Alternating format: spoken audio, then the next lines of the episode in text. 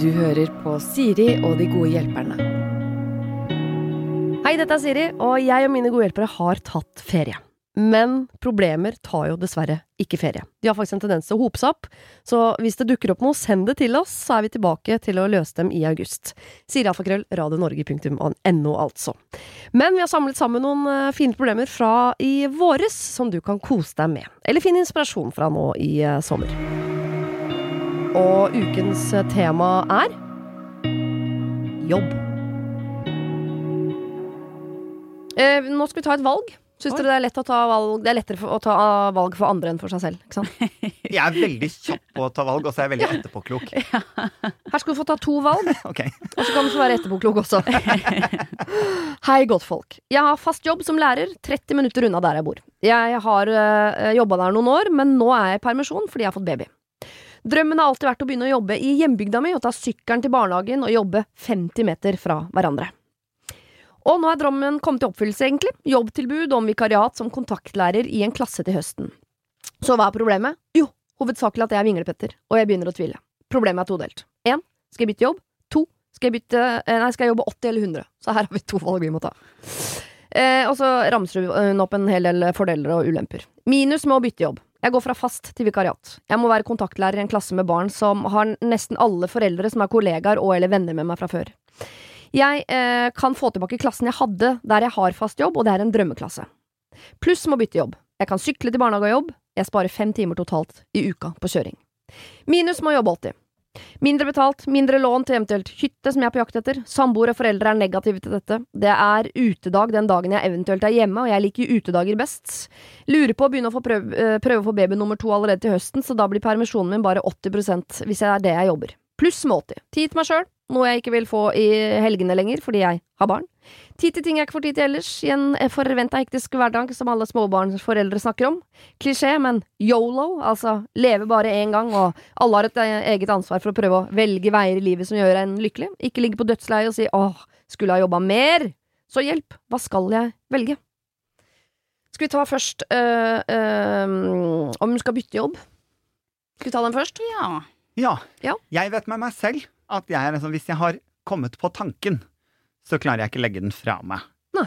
Så da er jeg sånn Da må det gjøres. Støtta 100% Ja. Da. Ikke bare 80. Hæ? Ikke bare 80. Ikke bare 80, ikke bare 80 her. 110 Ja, faktisk! Støtter jeg den!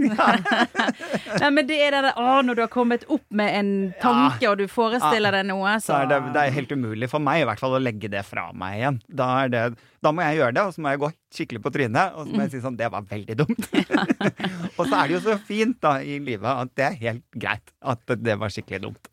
Ja, jeg er så enig, for igjen så går det litt på, det, inn på dette her med å angre på ting du gjorde og ikke gjorde. sant? Og så er jo det òg en klisjé, men det er jo mye bedre å angre på alle de tingene du gjorde, enn det du aldri gjorde. sant? At du hoppet ikke på den sjansen som nå plutselig bare sto rett foran deg der. og... Når kommer boken din? Den, den kommer eh, Med visdomsord. Som visdomsord. Ikke angre Ja. på noe, heter Ja. den. Ja. Nei, men så Og at hun faktisk har fått denne muligheten, Mhm. det, der føler jeg at det er noe litt sånn Da er det litt sånn mening med det, tenker jeg. Ja. Altså Denne muligheten som plutselig kom rett i fanget. Ja, så er det 80% men hun har jo òg en samboer, og det er økonomisk oppi alt dette. Mm. Altså, hvor mye går hun ned i lønn? Sant? Hvor viktig er denne hytten? Hva veier tyngst? Ja. ja. Hvis hun bytter jobb, da, men Mhm. jobber 100, Mm. og hun sparer fem timer totalt i uka på å kjøre, Ja. er ikke det nesten som å gå fra 100 til 80, da? Nesten. Ja. Altså Hvis du Ja, jobber 80 du så jobber du jo fire dager i uka istedenfor fem. Jo da. Og det er sju, hun er er jo noen poeng. timer unna at hun har gått ned eh, til 80% men hun jobber 100 og får 100% lønn. Mm. Ja. Og jeg tenker at den, hun kommer nok til å kjenne på all den tiden hun sparer på å jobbe nærme, at hun kanskje får tid til de tingene hun føler at hun ikke har Ja, tid til nå. Altså, jeg Mm. syns ikke dette er et vanskelig dilemma. Det har- Jeg har bestemt meg for lenge siden. Jeg, Bytte jobb, jobbe ja, 100. ja, ja, klart. Begge, er alle tre på riktig jobb, jobbe 100? Nei, vet du hva, Jeg er egentlig helt enig, for det er noe med det at dette her har vært drømmen, og så plutselig kommer jo denne her muligheten, og da er det sånn kjør på. Og det som Adam sier, går det eh, skeis, og det ikke blir så bra som du hadde håpet på, Mm. så er jo det ingen skam å snu, på en måte. sant? Altså, Da kan jo du alltids høre om det er mulig å få tilbake kanskje en dette, type jobb. selv om du ikke får tilbake gamlejobben, så kanskje det dukker opp en helt ny mulighet igjen. Ikke sant? At det er enda bedre at du får i pose og sekk plutselig. Ja. Det vet Ja. man jo ikke Så før kan- man prøver. Nei, det er helt sant. Så kan hun plutselig bruke de timene på å lage et eller annet. Plutselig har hun en eller annen hobby. Kanskje hun kan strikke masse greier, lage armbånd som hun kan selge. Og så har hun startet sin egen lille bedrift. Så har hun masse penger til hytte. Det er ikke alle som heter Gjelsvik til etternavn, Kristin. Jeg bare nevner det.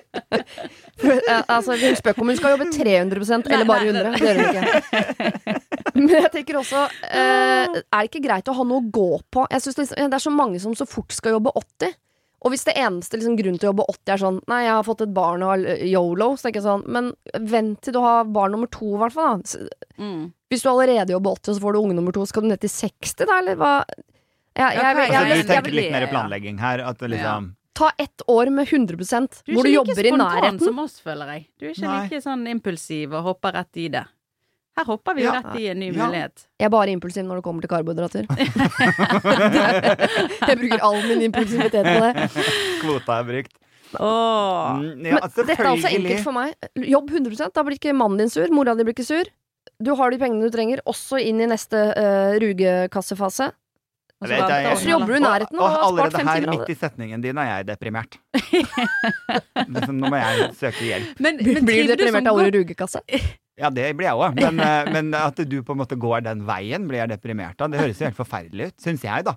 Men det er fordi jeg er kjempeegoistisk og ikke har noe barn. Og bare sånn, altså jeg skal nyte mitt liv til altså det, Når jeg dør, det skal ikke være en krone igjen. Jeg skal, Ja, jeg skal skal- smatte opp alle pengene. Det skal være Ja. minus på kontoen når jeg går herfra. Ingen skal få noen av de pengene. Er du gæren? Skal ta maks forbrukslån idet du ligger på Ja, ja, ja, ja. eh, sykehuset. Ja. Men trivdes hun i jobben sin som hun har nå? Sa Ja. hun Ja, det til virket sånn. Ja. Ja, Ja, og så okay. det En av tingene er at eh, hvis hun fortsetter den gamle jobben, så får hun tilbake den drømmeklassen sin. Som, sånn, men det er jo Og er kortsiktig kortvarig. tenkt også. Det er jo veldig kortsiktig, for de skal jo ut av den Ja. skolen plutselig, og så er det ny klasse. Altså, Mm. det, jeg tror ikke man kan henge seg opp i det. drittklasse? Så får du drittklassen. Ja.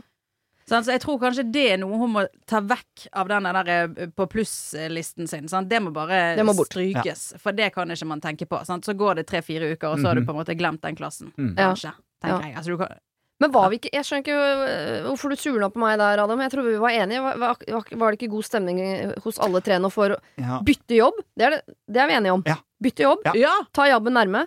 Ja. Men var ikke alle på 100? Og ja, var det òg et spørsmål? Kunne hun Ja. velge 100 eller 80 der hun flytter til? Ja, ja. Å ja, da har jeg gått Kan glipp av noe. kan hende det er noe underliggende rent personlig mot deg. At du har skjula for noe i gamle dager. helt annet Ja. ikke har med dette å gjøre, Siri. Det kan godt være. beklager uansett hva det måtte ha vært. Ja, nei, men ok, Bytt jobb til Bytt den jobb. eh, drømmejobben. Sant? Der kommer du nærmere, du får litt mer tid, så du slipper i kjøring og alt mulig. Men jeg, der kan jeg jo være enig i at du kan jo jobbe 100% Ja. Ja. 100% i nærheten. i nærheten. ja. Da sparer du tid, og Mm. de, de, de, de timene du får til overs, kan du bruke på å gjøre gøye ting i Ja. livet ditt. Ja. Enig. Og hvis hun har lyst til å gjøre veldig mye gøye ting, så kan hun òg utsette det babyprosjektet. Ja. Får du ingenting til å gjøre noe gøy. Ja. Eller gjør det nå. Hvis du skal ha to eller flere barn, så er mitt mantra aldri slutt å skifte bleie på den ene før du må begynne på den andre. Da, du må bare føde i et hakkende skjør, så at du aldri får liksom, lukta på verden uten bleier. Ja. Og så må du gå inn i den igjen!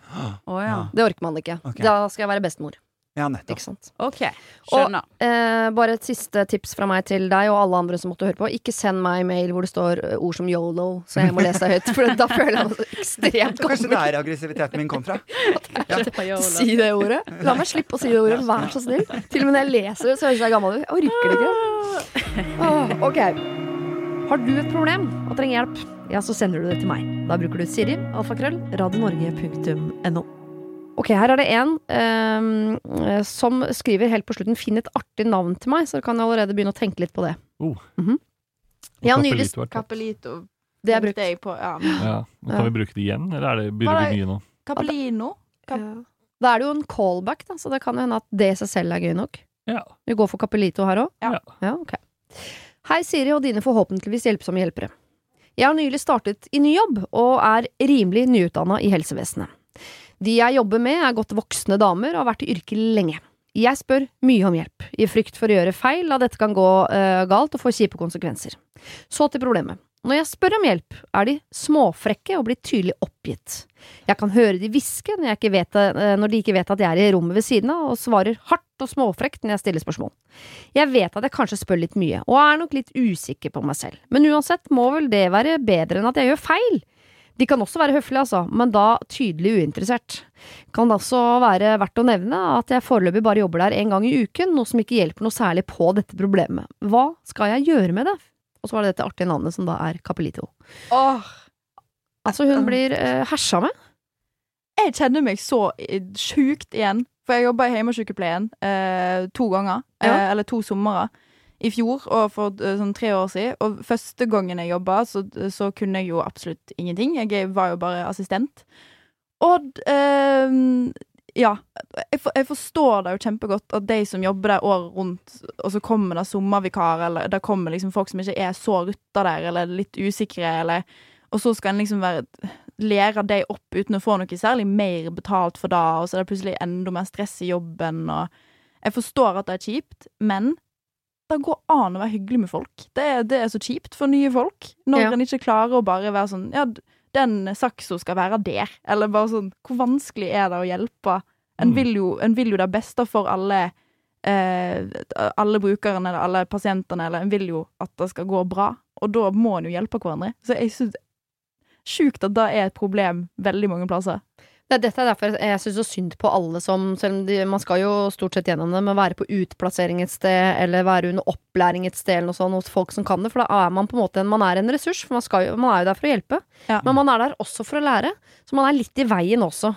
Og det er en ganske sånn kjip situasjon å være i, at man føler sånn jeg skal egentlig hjelpe til, men jeg er også øh, litt sånn klump om foten her nå, fordi jeg ikke kan og jeg ikke vet, og jeg må ha hjelp til alt, og de andre er sikkert lei allerede, og Men øh, det må jo kunne gå an å stoppe det på en eller annen måte, fordi dette er jo noe de voksne bare driver med fordi de kan. Mm. Og de tenker, det er nok sikkert ikke en sånn uh, strategi De møtes ikke en halvtime før for å snakke om sånn Du, i dag så er vi skikkelig kjipe mot hun nye, er vi ikke det? Jo. Det er bare noe de gjør. Det må stoppes.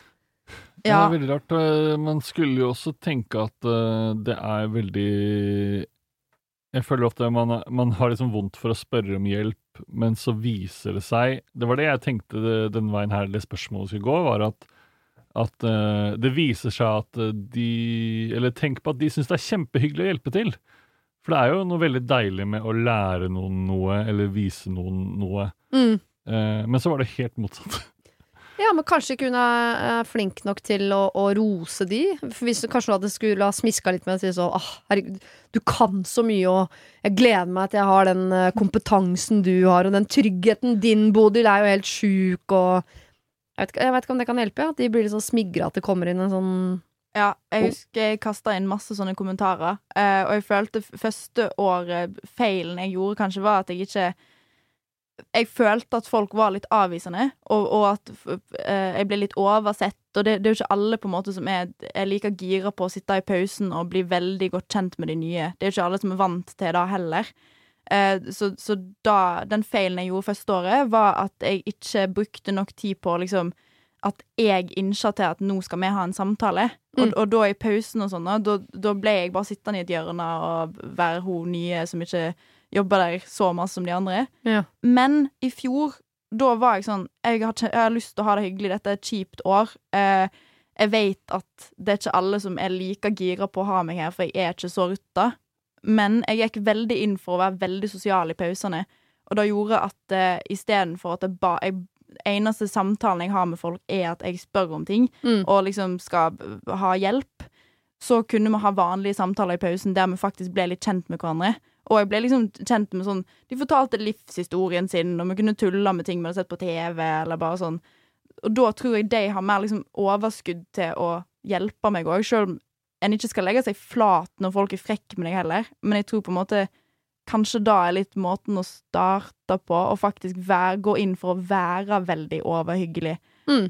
Og, og på en måte bare by på seg sjøl. Ganske masse. Mm. Ja, det er jo kjipt at det skal være sånn, men det er vel, Ja. jeg, jeg tipper jo de gamle tantene som jobber der fra før, har sikkert hatt en sånn periode når de starta, de òg. Det er jo ikke noe unnskyldning. Jeg bare øh, Det er ikke så gammel referanse, egentlig, men Viktor Sotberg var jo med i 71 grader nord kjendis nå den forrige runden som var, og han var her for en stund siden og fortalte om nettopp en ting som skjedde der, som man jo kunne se på TV, og hvor Uh, vår Staude og Henrik Elvestad, som er liksom, uh, var liksom de voksne på laget, og ringrevene, og de kunne kart, og de tok liksom all regi på alt som skulle gjøres hele tiden. Mm. Hvor Victor på et eller annet tidspunkt liksom følte seg litt sånn å, Han ble helt oversett hvis han hadde noe liksom innspill på ting som skulle gjøres, eller spurte om noe, så var det helt sånn Så, så følte han seg bare en sånn, sånn klump om foten på de gamlisene. Mm. Hvor han satte seg ned og, og, og kjefta på det, liksom. Tok tak i det og bare 'Jeg er også her for å lære. Jeg vil også lære meg kart og kompass. Dere kan ikke ta alle avgjørelser. Jeg føler meg oversett.' Og, og kjeft. Han ga voksenkjeft til de voksne. Mm.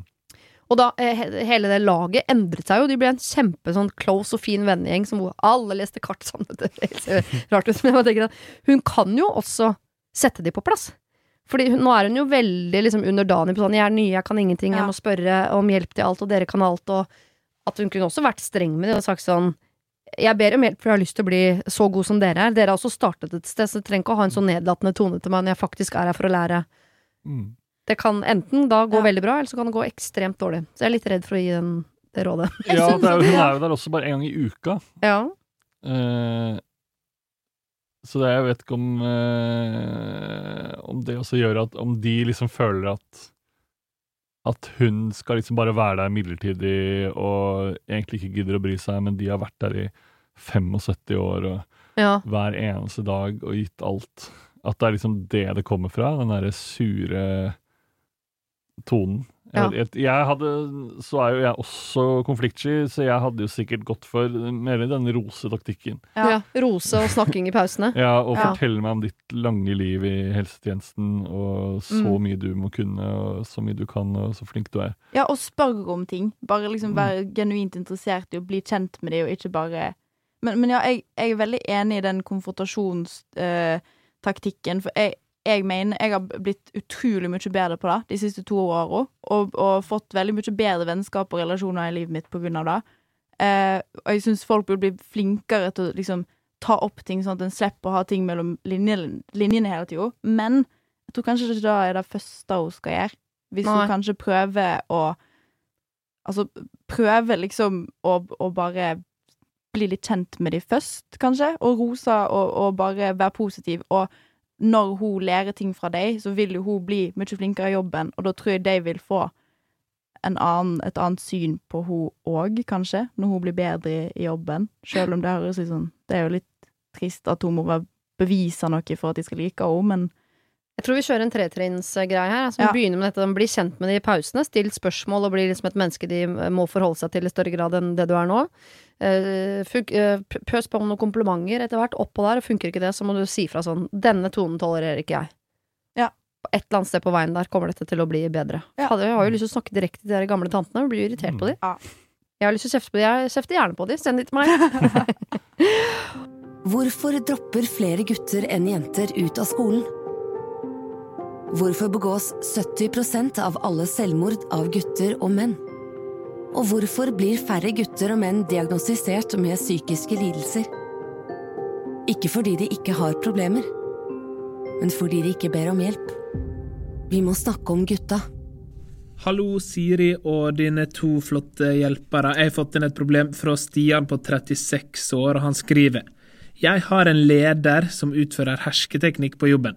Språket er veldig overkjørende og med en jeg vet best-fremtoning på stort som smått. Selv på områder hvor jeg har mye mer kunnskap og erfaring enn han.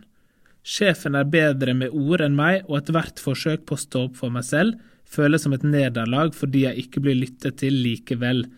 Dette tærer på meg, og jeg er redd for at jeg en dag eksploderer av frustrasjon. Jeg er i en situasjon hvor jeg ikke kan risikere å miste jobben min, eh, så da blir jeg gående og grue meg til jobb og bite tennene sammen i frykt for hva som skjer om jeg forsøker å ta det opp igjen. Har dere noen råd i slike situasjoner? Nyttig info. Det er ingen ledere over han igjen som jeg kan ta det opp med, og vi har ingen HR-avdeling eller lignende. Vi er en liten bedrift med få ansatte, og jeg mistenker at flere opplever det samme som meg. Men vi ansatte har ikke snakket med det oss imellom enda. Ok, så bare stryke de tingene vi først noterte. Sånn, ta kontakt med HR, stryk. Gå Ja. til lederen over han, stryk. Bytt jobb, stryk. Hva står vi igjen med da? Vi står igjen med at uh, innsender eh, Jeg husker ikke om han sa noe navn. Stian36. Stian 36 må kanskje rett og slett eh, finne seg eh, noen redskaper sjøl som gjør at han bedre klarer å leve med det, fordi For jeg også hadde jo notert alle disse punktene som, eh, som vi da rett og slett må, må bare stryke fra lista. Men, men for det er veldig vanskelig. Det er en kjempekrevende situasjon uh, å stå i. Det er vanskelig å ta det opp, uh, og det er vanskelig å ikke eksplodere, som han sier. Men jeg tror kanskje at, at han prøver å finne en måte å leve med det, altså sjøl. Finne noen redskaper inni seg som gjør at han klarer å liksom lukke øra eller overse de eh, hersketeknikkene, mens han stille og rolig på sida ser seg om etter en ny jobb. Ja, for hvordan Å stoppe noen som bedriver hersketeknikk, er jo øh, Er det liksom møte hersketeknikk med annen hersketeknikk, eller? Hvordan fluffer man en Nei, for, for da skal du være så trent, ikke sant? Så, sånn da Åh, og man blir jo så sårbar eh, når man blir tråkka på og eh, sett ned på. Og, og, og jeg begynner jo ofte å grine i sånne situasjoner, selv om jeg nå er runder 50. Eller, eller jeg kan komme dit, da, fordi jeg føler meg så urettferdig behandla. Mister munn og mele. Så virker det så håpløst. Altså, man Ja. føler, altså, uansett hva jeg gjør. Mm, jeg, jeg tror at det, eh, Som du sier, Ingeborg, at eh, Jeg tror man må lage seg noen scenarioer eh, i hodet.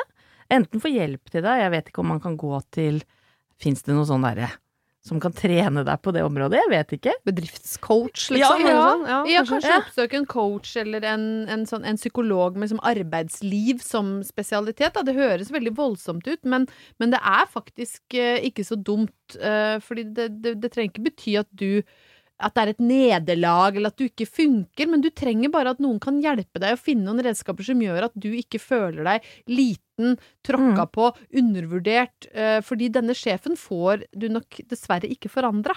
Nei. nei. Det er veldig vanskelig, og særlig siden han sier det er en bitte liten bedrift uten HR-avdeling, altså noe som jo er, virker litt spesielt i seg sjøl, da. At Ja, de, det- de ansatte bli, virker ikke som de blir så godt ivaretatt i denne bedrifta. Men han er jo veldig tydelig på at han er i en livssituasjon som gjør at det å miste jobben, det er uaktuelt. Så Mm. da, Stian, må du faktisk bare begynne med deg sjøl, for det er det du har påvirkning på. Du Mm. må finne måter å tåle det og få det til å prelle av på deg, fordi dette her er sjefens problem.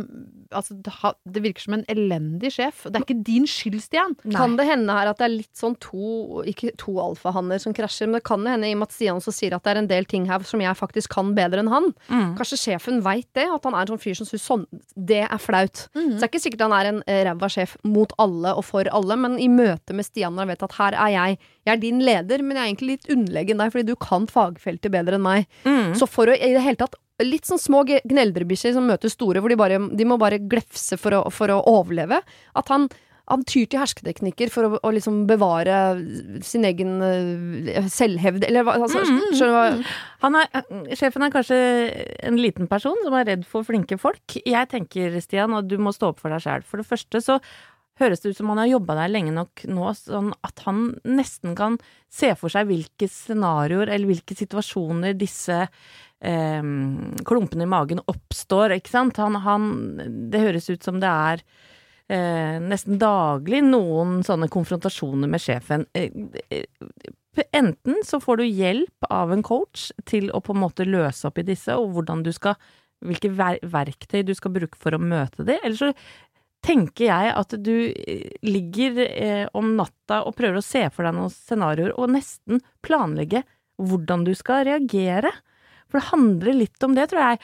Og så vet ikke jeg, så kjenner jo ikke jeg Stian, men jeg opplever jo at det å ta ting med humor, og ikke gå liksom rett i den derre konfrontasjonen og prøve, altså møte en besserwisser med en annen, men bare ta det eh, litt humoristisk og, og latterliggjøre sjefen din på en litt sånn måte du ikke kan bli tatt på. Mm. Det syns jeg ofte er et eh, det, jeg, jeg, jeg har klart å snu noen personer som ikke jeg tenkte at eh, han eller hun kan ikke jeg jobbe med. Og så har jeg funnet en teknikk for hvordan å arrestere på en sånn ekstremt tilforlatelig måte. Mm. Enten skryte av sjefen og si 'fy fader, det var et kjempegodt forslag', Ja. eh, og bare sånn Bruke nesten raushetens hersketeknikk tilbake. Mm. Eller eh, finne noen humoristiske Hva heter hun i Dagsnytt 18? Sigrun Sigrid Sollien? Sigrid Sollien, ja, Ja. som har skrevet en bok om hersketeknikk. Mm. Kunne man sånn wink-wink litt sånn Hvilket kapittel i hersketeknikkboka er du på? Ja. Ja, det kan godt hende. Men da blir han jo avslørt som en fyr med hersketeknikk. Det kan Ja. hende han går fullstendig Jeg, tror- jeg tror ikke du skal gå så direkte på det, men bare ta, eh, ta Begynn å møte sjefen din på en annen måte, for dette må starte med deg, Stian. Mm, det må det. Jeg, jeg, jeg tror det er sånn du må dessverre eh, se på det. Og det kan også være nyttig noen ganger hvis det er ting som er viktig for deg i, i jobben, å lansere ideer som eh, virker som de er din sjef sine, men de er dine. Altså det å Det er jo sånn man får barna til å ta på seg de klærne du vil om morgenen, ikke sant. Det er å få de til å tro at det var deres idé. Eh, men det er også Det ligger noen sånn noe pedagogiske verktøyer som også går Mm. an å bruke i det å, å så, for det første, oppsøk en coach eller en bedriftspsykolog. Det fins også helt sikkert noe ålreit litteratur på fagfeltet som, som du kan lese, bare fordi Mm. det er Anette, du sa det jo veldig bra. Dette starter med deg, Stian, dessverre. Jeg skulle ønske vi kunne si det, Gjør det, så blir sjefen din snill som et lam. Men sånn funker det dessverre ikke, og sånn som hans situasjon er, så må du begynne å slutte med han i den situasjonen her. Kanskje han kan finne noen områder hvor sjefen faktisk har noe han er god på, som han kan spørre mye om hjelp. Som er litt sånn som Yes. man gjør med foreldrene sine når de føler sånn 'nå trenger ikke du meg lenger', så må han finne noen man spør dem om, så at de føler at de har en funksjon. Ja. Så Stian kan jo gå til sjefen og si sånn 'dette er du veldig god på, jeg skulle ønske du kunne hjelpe meg, for dette kan ikke jeg'.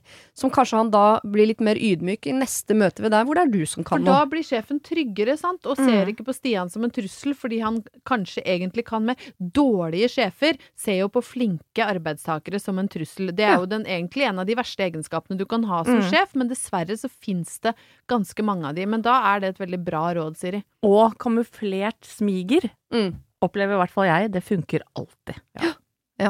Prøv på det, Stian. Lykke til. Lykke til! Har du et problem og trenger hjelp, ja, så sender du det til meg. Da bruker du Siri, alfakrøll, radionorge.no. Vi skal over til noe som her, eh, hvor det virkelig må gjøres noe. Her skal man ikke bare sitte helt rolig og håpe at det går over. over. Her tror jeg vi skal inn i et materie hvor man er nødt til å gjøre noe. Intervenere. Og det jeg liker med denne Det er første gang jeg opplever faktisk at noen sender inn et problem på mail som, som skriver bare i stikkord. Hvor deilig. Punktvis liste. Ja. Utrolig deilig å forholde seg til. Foredragsperson sikkert. Sigrid Ensmo foredrag. Kanskje Ingebrigt Steen Jensen. Ja, det tror jeg ikke. Ok.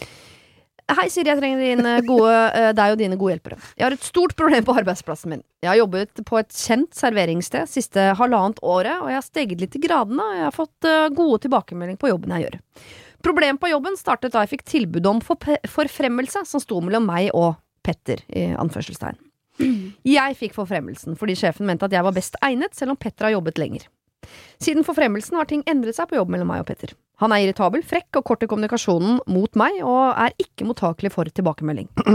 Dette med å gi tilbakemelding til de andre ansatte er jo en del av stillingsbeskrivelsen i denne forfremmelsen jeg har fått. Ja, mellomleder. Altså, ikke sant? Ja, det er noe HR inne i bildet her. Oh.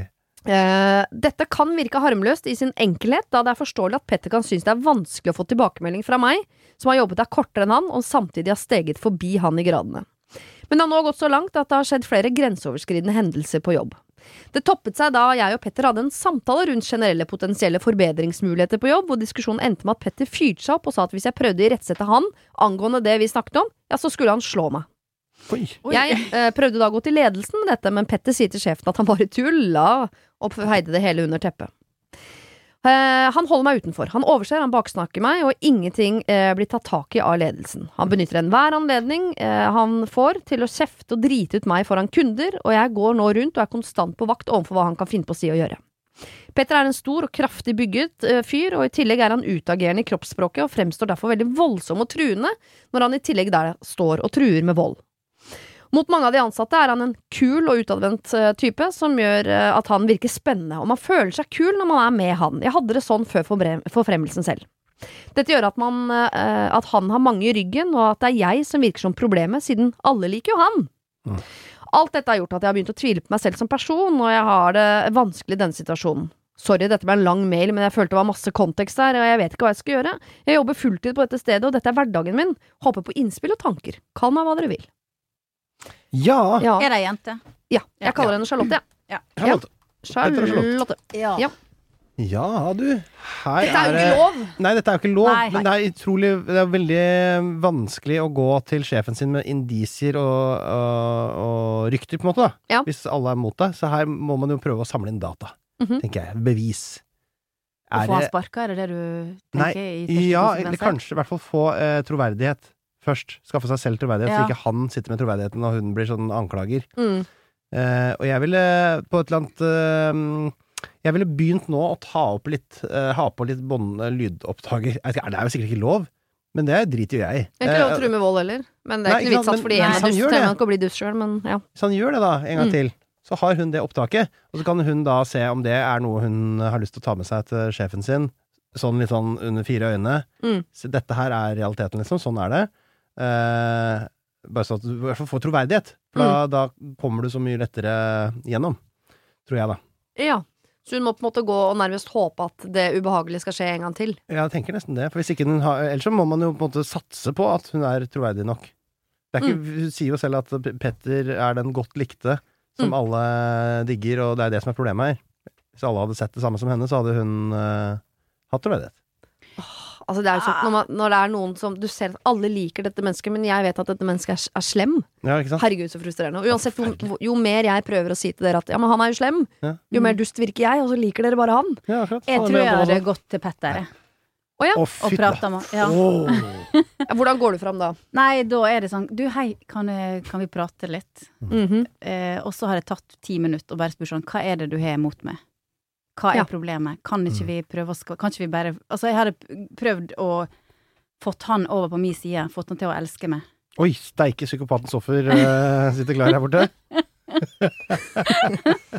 Jo, men er ikke, Eh, altså Petter har jo fått egoet sitt uh, Han har fått ripe i lakken ja. sin, denne Petter, ikke sant? Ja. Så hun må jo det Jeg vet ikke hvordan man uh, fløffer en fyr med stort ego. Ja, men må du bare si du, jeg veit at du er deppa for at ikke du fikk den jobben, og at jeg fikk den i stedet for, men kan ikke vi være så snill og prøve å samarbeide og slå en strek over alt, og kan ikke du Mm. slutte å plage meg? Ja, det høres fornuftig ut. Jeg hadde fått veldig dårlig samvittighet hvis jeg skulle drevet på med opptak og alt mulig og gått til sjefen og på en måte eh, skvise han ut på den måten, da, for da kommer han til å hate henne enda mer. Ja, det det er bedre å bare gå rett til kilden, prøve å bli venner, kanskje driste seg til en liten klem. Oh, Oh. Ja, Korona. kanskje ikke nå, ja. Etter- jeg jobber tydeligvis på et serveringssted som er, er åpen fortsatt, så det er vel rolig til, det er vel i Mehamn i Finnmark eller noe. Dette. Veldig kjent hva Nei, jeg er veldig spent på hva det er hen, dette her. Kjent serveringssted. Er det Egon? Kan da? være en blå brygge uten i Tønsberg eller hvor lenger. Å ja. Ja. Jeg tenkte på Mækkern på Gaustad. ja. Men, men, eh, men eh, Espa boller. kan du ikke kombinere, kombinere disse to, da? Invitere til en prat med båndopptakeren på.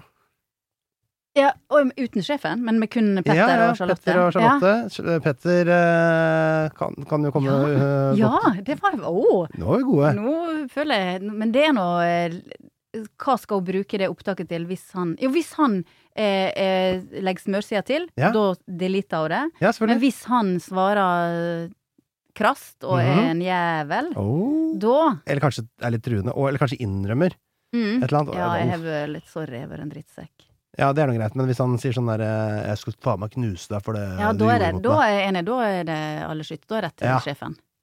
Ja, for, for, øh, altså, sjansen for at han sier noe sånt, er jo til stede. For jeg ser for meg eh, som eh, svær fyr, eh, stort ego, Mm. kommer inn en, en nyansatt kvinne, går forbi han i gradene, og så Mm. skal komme tilbake til meg og begynne å fortelle meg åssen jeg skal gjøre jobben min. Ja. Da er egoet mitt altså så skakkskjørt at når hun kommer inn i tillegg da skal være the bigger person som skal prøve å rette opp i dette, sånn at Ja. jeg igjen føler meg dum fordi jeg jo også vet at jeg oppfører meg som en bavian. Ja, men hva hvis hun tar en sånn Du, Han jeg veit at jeg har ikke vært helt uh, fair med det etter at jeg ble sjefen din. Kanskje hun skal bare legge seg litt under og smiske som faen. Ja, jeg, jeg tror det kan funke, men jeg tror også han kan bli enda sintere av det. eh, Fordi han kan skjønne sånn Nå ser jeg hva du driver med. Mm. Nå skal du være the bigger person. Nå føler jeg meg enda dummere. Sorry, nå, bare, nå problematiserer jeg, så jeg bare ser på at dette er en fyr som øh, Jeg skal ikke si hva jeg kaller dette syndromet, men som uansett hvordan du prøver å, å please han, så blir det bare verre. Og han har jo gjort noe som er ulovlig.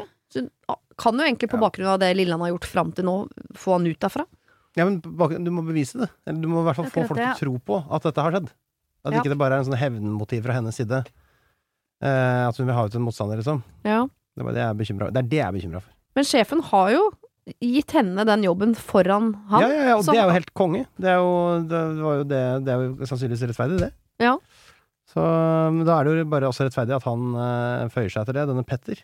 Mm. Eh, og hvis han ikke gjør det og skaper en truende arbeidshverdag for eh, vår venninne Charlotte. Charlotte her, Mhm. så må jo også eh, hun forsvare seg. Ja. Men jeg. Og da er dette her måten jeg ville gjort det på. Eh, og så sier ikke jeg at det er lov. Det sier jeg ikke. Jeg sier bare at det er det du burde gjøre. Så innkall til et møte med han, legge seg helt flat, he, uh, være Ja. ydmyk og prøve å reparere skaden, Ja. på en måte. Kanskje vil- snakke om det. Vi var jo venner før, jeg liker jo egentlig det er veldig godt, det er synd det har gått den veien, og bla, bla, bla. Ja. Men ha på båndopptaker. Jeg ville hatt Mm. på den båndopptakeren når jeg spurte om han ville ha møte òg. oh, ja. For da kan jeg, jeg tenker det fort kan smelle i den situasjonen. jeg. Ja, ja. Allerede der, ja.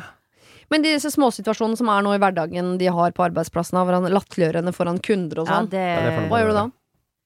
Nei, da kan ikke du gjøre noe annet enn å bite deg i det. Kan ikke, kan ikke smelle tilbake igjen da, foran kundene. Litt fristende å få deg med til å Nei, det, nei glem det. Glem det. det Få PST til å komme i restauranten. Spise. Leie en masse kunder, ja. Alle Ja. har på båndopptaker. ja. ja, for det er jo heller ikke helt bra at han går og latterliggjørende på jobben til de andre eh, gjestene i restauranten, på en måte. Nei, og de andre kollegaene og Gjorde han det med? Jo, jo, jo. Ja. Men det er noe rart at ingen av de har fått med seg det, da. Hvis de andre kollegaene har hørt at han latterliggjør henne, så kan vel de støtte henne litt i en prat med sjefen? Ja. Jeg tipper han gjør det på en sånn morsom og sjarmerende måte, sånn at alle ler, men hun syns ikke det er noe morsomt. Ja. Det er okay, et mer vågalt sirkusaktig triks eh, som finnes i boka, som jeg ser for meg. Finn din eh, eh, kanskje nabobygdas største boliger. Eh, lei han inn som eh, din nye kjæreste eh, som henter deg på jobb en dag. Bare for han til å vise seg fram litt. Grann. Så har du den i boka. Har du den Stå og knekke litt fingre og sånn. Bare sånn at folk veit hva de bryner seg på eh, hvis de kødder med deg. Men blir menn redde for sånt? Ikke jeg, men de fleste menn blir det. Jeg er jo veldig sterk. Ja, men er, de- ja, men er de opptatt drit, Bryr de seg om det? Jeg har vært livredd for eh, eh, hvis eh, det var en, noen jeg drev og mobba på jobb, som jeg lett kan se for meg. Ja. Eh, og så viste det seg at de hadde en samboer som var av eh, bibelske proporsjoner, med kanskje litt sånn ett flakkende øye som var litt sånn klikketryne, liksom. ja. Det- Ja, fy faen, det hadde endra meg. Er det sant? Ja, det hadde jeg vel. Jeg er livredd for Ja, men tenker du automatisk at hun ville involvert han i en Ja! konflikt? Hun er Ja. åpenbart involvert i dette miljøet. Hun har sånne typer. Altså Vi ser for oss en uh, slags Lasse Lom i, i kroppen, men med litt sånn arrfjes, og som kjører tanks, liksom. er vi det? Lasse Lom, han har ikke jeg vært sammen med. Jo, han fra ja, han vant Farmen Melda på. Ser du ikke på lineær TV for tiden, eller? sett ja, men Han er heter, fletta. heter han FOM? Nei. Han Kanskje Lasse Lom på Instagram, Han heter jo Lasse Brattberg eller noe sånt. Ja, ja, vet du. Marte Ja. Brattberg heter han. Stemmer det. De er veldig like.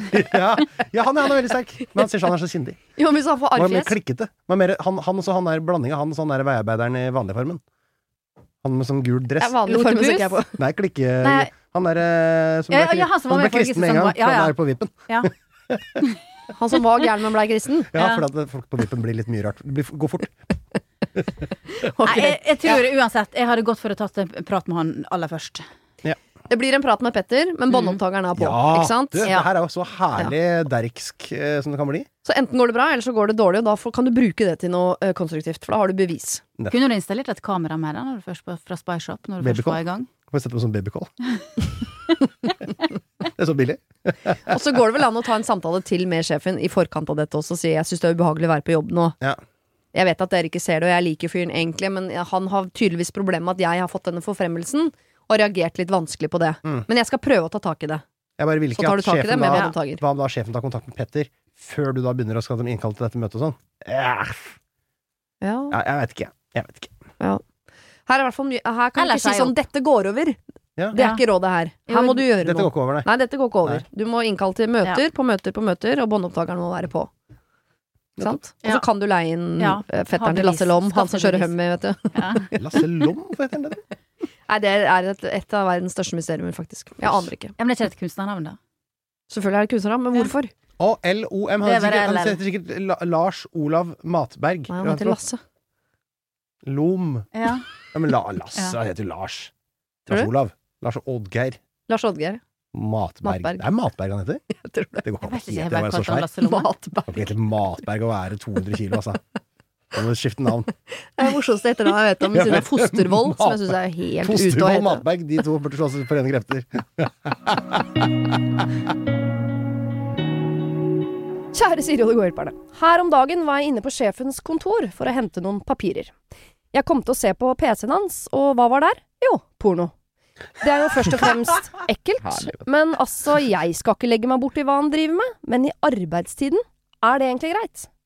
Hvem kan jeg i så fall si fra til? Han er jo øverste sjef, og vi er ca. 150 ansatte her. Kona hans jobber også her, og henne har jeg veldig god tone med. Kan jeg eventuelt ta det med henne? Jeg er ikke spesielt god til å holde på hemmeligheter, spesielt ikke etter litt vin. Og jeg er redd at jeg kommer til å fortelle dette til alle straks vi kan feste sammen igjen. Er det greit? Er det kanskje bare en passe straff? Hilsen tilfeldig titter. Hun spør om mye her. Ja. Skal hun Mm. fortelle dette til alle som en slags straff? Skal hun ta det opp med kona, eller hvem skal hun eventuelt ta det opp med? Og er det greit å se på porno i arbeidstiden? Siste er jo nei. Det er jo ikke greit. Eh, Hvorfor er det ikke Jeg- jeg greit? Å se på porno i sånn- arbeidstida? Jeg, jeg bare tenkte sånn jeg, ikke, jeg er ikke sånn Jo, det er lov, men er det liksom Det er kanskje ikke lov, nei. Men er det Jo, men hvis man har pause, om jeg vil fylle min pause med Facebook, og naboen eh, går ut og tar seg en røyk, og tredjemann sitter og surfer litt porno Altså, man fyller jo pausen sin Enten så må vi si at porno ikke er greit generelt, føler hvis det er greit, så må man jo få gjøre det ikke i arbeidstida, men i pausene. Jeg føler at porno er som hasj. Det er det ulovlig, men alle driver med det på en måte. Eller veldig mange driver med det. Ja, Eh, eh, er, er porno ulovlig?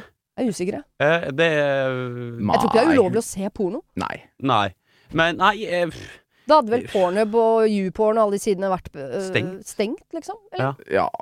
Nei, Nei, det, det tror jeg er lov. Men eh, nei, hvorfor syns du at det er helt jeg, Altså, jeg, ikke, jeg vil ikke være forkjemper for porno på arbeidsstedet. Ja, det vil jeg jo egentlig være, men, eh, men jeg bare føler at det er feil i arbeidstida. Var det et åpent liksom, kontorlandskap her? Var Nei, han det måtte liksom inn på sjefens kontor, så jeg ja, tipper ikke sant? Så han har jo egentlig litt Han har jo på en måte sin privacy der. Mm. Eh, det var så klart en uh, bommert av han å ikke lukke dette vinduet. Eller var det Eh, Eller var det det? Var det en invitasjon? Nei, jeg vet ikke. ikke. La oss ikke gå dit. Det er veldig snodig, iallfall. Altså, jeg, jeg må jo si sånn lystmessig så er det jo ekstremt snodig at eh, han skal sitte der. Når jeg tar med innover det perspektivet at Da er du gira, altså. Da er du gira. Da er du gira, altså. Da, Mm. Da- har du vært lenger Midt oppi Excel-en og begynner å tenke bare fader, ass. Bare, Blir så kåt av Excel. Ja, Jeg må inn på Pornhub. Jeg må bare kjøre noe Ja, jeg må bare kjøre noe Det er veldig rart. Se på det overskuddet! Herregud! Nå Men jeg, jeg tror kanskje det å si det til kona er litt feil. Uh, fordi uh, altså Jeg vet ikke, for jeg føler at porno er en sånn vanskelig ting, fordi uh, det er jo ikke Man er jo ikke utro selv om man ser på porno, på en måte. Nei. Men også er det en litt sånn egen greie at du vil jo ikke dele det med kona, at du på en måte tenner på å se på noe annet heller. Nei, det kan jo virke som om dette er en fyr som må se på porno på jobben, fordi hjemme så er ikke det helt akseptert. Nei, og da begynner jeg kanskje å støtte det litt, litt igjen. Nei, jeg vet ikke. Jeg hadde nok, men jeg hadde nok tatt det opp med han. Bare du øh, Med han? ja. Ja, det er ballsy. Det er jo dit vi vil, men det er veldig få som tør. Nei, uff a meg. Nei, du, fy faen, det her må jo Jeg tenker at magefølelsen min jeg, Det er ikke noe jeg, Dette sier jeg ikke på vegne av intellekt eller liksom gjennomtenkt, men magefølelsen sier 'hold dette for deg sjøl', altså. Ja. Hold, Vær så snill. For hun blir jo helt sånn Det blir jo jævlig kleint òg hvis hun blir hun som eh, OK, eh, var det noe navn på henne? Nei, det var Nei, ikke. en tilfeldig titter kaller hun seg. Men uh, tittelen, uh, hvis du hører på, det her er veldig viktig. Hvis du også blir den dama som driver og sladrer om dette på jobb, så blir jo det også ganske krise, ikke sant? Jeg Jeg- har ikke sladra, nei. Nei. Og ikke sagt til alle. Men hun sier jo at hun er redd for at hvis hun holder det inne, så kommer dette her ut. For hun snakker ofte veldig mye med noen par glass vin innabords. Ja, veldig Eh, så hun må jo også da uh, Hvis hun da på en måte kanskje liksom sier dette her til sjefen, så er det på en måte Så er ikke det s- Da kommer ikke det til å komme med noe glass vin. Gjør det det da? Da har fått det ut, og har i hvert fall deala med det. Hvis du holder det for seg selv, så er det, kommer det jo risken at det kommer ut til veldig mange. Jeg liker jo ikke å sitere Rune Rudberg, eh, og det er ikke så ofte jeg gjør det heller. jeg skal på en måte egentlig ikke gjøre det nå heller, men han gjorde noe veldig lurt i sin tid. Jeg husker da det var en del sånn øh, forskjellige øh, kjendiser der ute, hvor det kom en del nakenbilder på avveie. Kåre Conradi og sånn forskjellige folk rundt Ja, om forbi. ja. Og Rune Rudberg. Og han er den eneste som kontra det med å legge ut et bilde av seg selv med en blå dildo i Altså, han, han bare gjorde det bildet en, enda verre og la det ut og lo av det selv. Det det bildet noe er så legendarisk. ja, men da Har du kunne sett ikke det? folket Da lo vi sammen med han. Det var ikke noe sånn Vi pekte ikke på han og var sånn haha, idiot. Eh, Så jeg tenker at for at ikke hun skal spre dette til alle på jobben, så burde hun jo si det til han eller kona, Fordi da er det ikke så gøy å hviske tiske om det i korridorene når Når man gir på en måte eh, sjefen muligheten til å, å Jeg føler bare hvis jeg sier det til kona, så blir det, kan det bli liksom problemer mellom dem igjen. Uh, at det er litt sånn sladrete, og liksom du, mannen din ser på porno på jobben. ja. Uh, for han har jo ikke gjort noe feil sånn sett. Og da, det føler jeg da, da blir det liksom Da skaper man kanskje litt større problemer enn hva det kanskje er, istedenfor å kanskje bare ta det direkte med han.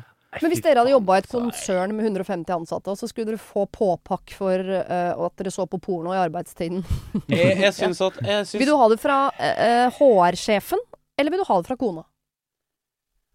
Jeg tror jeg hadde tatt kona, nemlig. Jeg syns ikke hun skal si det i hele tatt. Altså, poenget er at det er litt off. Det er jævlig, off. det er jævlig off.